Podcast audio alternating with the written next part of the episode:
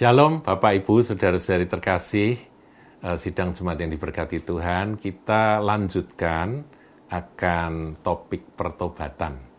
Kalau kemarin kita sampai pada sebuah pertanyaan, apa yang harus kami perbuat? Itu penting sekali, saudara. Kita melihat bagaimana Rasul Paulus, ketika Rasul Paulus eh, sebagai seorang penganiaya jemaat, dia dalam perjalanan menuju ke Damsyik, dia dijumpai oleh Tuhan Yesus. Pada waktu itu dia rebah ke tanah dan mendengar suara yang berkata. Coba kita lihat saudara dalam kisah Rasul-Rasul 22 ini kesaksian dari Saulus atau Paulus. Maka rebahlah aku, ini ayat 7 ya, 22 ayat 7. Maka rebahlah aku ke tanah dan aku mendengar suatu suara yang berkata kepadaku, Saulus, Saulus, mengapa engkau menganiaya aku? Pada waktu itu uh, Saulus betul-betul tergetar hatinya karena dia memang menganiaya akan orang-orang Kristen kan. Jawabku, siapakah engkau Tuhan? Ini pertanyaan pertama, siapa engkau Tuhan? Dia tahu bahwa itu adalah Adonai, itu adalah Kurios, itu adalah Tuhan. Siapakah engkau Tuhan? Katanya, jadi ini jawab dari Tuhan, Akulah Yesus orang Nazaret yang kau aniaya itu. Yang dianiaya oleh uh, Saulus adalah orang-orang Kristen, pengikut Kristus. Tapi Yesus berkata, akulah Yesus orang Nazaret yang kau aniaya. Jadi ketika Saulus menganiaya orang-orang percaya, murid-murid Tuhan, anak-anak Tuhan, maka sesungguhnya uh, dia sedang menganiaya Yesus kepala dan tubuh. Saudara tubuhnya dianiaya, kepalanya ikut merasakan aniaya itu. Nah, kemudian eh, kita lompat ayat yang ke-10. Maka kataku, Tuhan, apakah yang harus ku perbuat? Ya, sampai di situ aja. Saudaraku, apakah yang harus ku perbuat? Perjumpaan dengan Tuhan Yesus atau perjumpaan dengan jalan kebenaran dan hidup keselamatan ini itu harus didahului dengan sebuah pertanyaan. Apa yang harus ku perbuat? Sama seperti eh, orang-orang yang mendengar akan khotbah dari Yohanes Pembaptis, Saudara. Kita kembali ke Lukas pasal yang ketiga.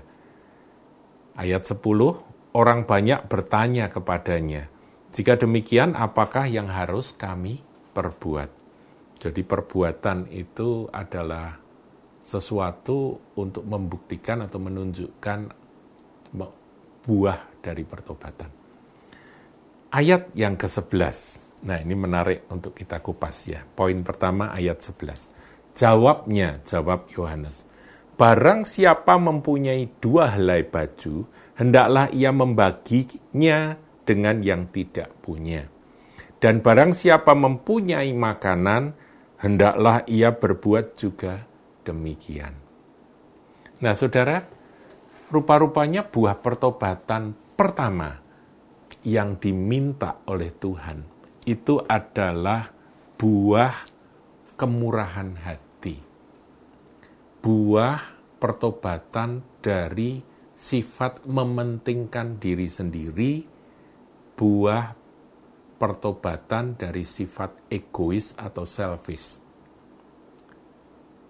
Buah yang dihasilkan adalah kasih dan belas kasihan kepada mereka-mereka yang menderita. Ini harus kita pahami, saudaraku. Dan kita harus coba uh, cek hati kita, diri kita, adakah buah itu di dalam kehidupan kita sebagai orang percaya. Apakah kita peduli pada mereka-mereka yang menderita? Jadi kalau dalam lingkungan kita sampai ada orang yang tidak punya pakaian, bagaimana sikap kita? Bagaimana tanggung jawab kita sebagai seorang yang katanya sudah bertobat dan percaya Yesus? Kita harus mulai membagi. Nah, membagi itu artinya selain kita peduli, ada belas kasihan, ada kasih, kemudian ada kemurahan hati, berarti ada juga korban dari apa yang kita miliki. Itu mulai dikorbankan untuk mereka-mereka yang lebih menderita. Jadi saudaraku, peduli pada orang lain plus rela berkorban, tidak egois, tidak selfish, tidak mementingkan diri sendiri, ini secara umum adalah buah pertobatan yang pertama. Nah, saya teringat saudaraku akan satu dosa yang membuat Sodom dan Gomora itu hancur, saudara.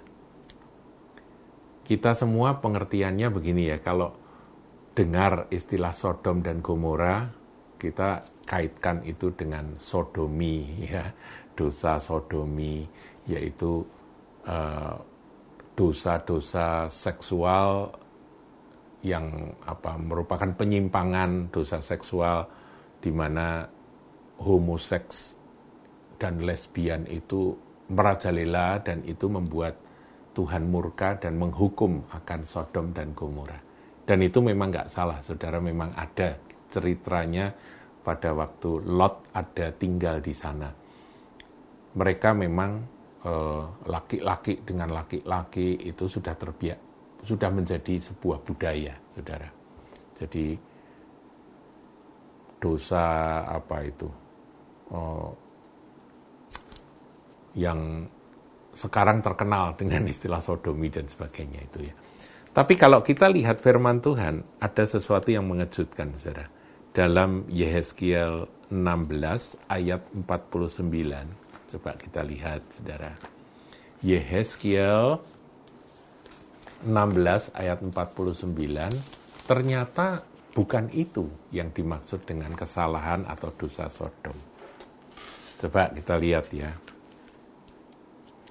ayat 49 dari Yeskiel 16. Lihat, inilah kesalahan Sodom kakakmu yang termuda itu. Pertama, kecongkaan, makanan yang berlimpah-limpah, dan kesenangan hidup ada padanya dan pada anak-anaknya perempuan. Tetapi ia tidak menolong orang-orang sengsara dan miskin mereka menjadi tinggi hati dan melakukan kekejian di hadapanku. Maka aku menjauhkan mereka sesudah aku melihat itu. Jadi di sini kesalahan Sodom ya dengan ilham roh Yehezkiel itu mengungkapkan. Di sini malah tidak disinggung saudaraku akan dosa homoseksualnya. Memang itu jelas dosa ya di dalam Roma 1 itu dijelaskan dengan panjang lebar oleh Rasul Paulus. Tetapi kesalahan Sodom atau dosa Sodom di sini adalah mereka tidak peduli kepada orang sengsara dan orang miskin, sementara mereka itu melimpah-limpah dengan eh, apa kesenangan hidup, dengan makanan yang sampai berlebih-lebih, saudara, dan mereka menikmati itu dan tidak peduli kepada mereka-mereka yang menderita. Jadi, buah pertobatan yang pertama yang harus kita um, perhatikan, ya nanti dalam doa-doa pribadi, saudara kita bisa datang dan bertanya, Tuhan, aku bertanya kepadamu Tuhan, adakah buah pertobatan yang pertama ini padaku ini masih kurang. Kalau memang masih kurang, apa yang harus aku perbuat? Itu ya, saudara ya. Nanti dari dari dari keberanian kita untuk bertobat dan kerinduan kita untuk menghasilkan buah-buah yang sesuai dengan pertobatan itu, maka pasti Roh Kudus akan menolong. Saudara akan dipakai oleh Tuhan menjadi penyalur-penyalur berkat bagi orang banyak. Jangan sampai kita jatuh dalam dosa Sodom ini, saudara Sodom dihancurkan karena mereka tidak peduli pada mereka yang miskin, mereka yang uh, sengsara. Tuhan Yesus memberkati.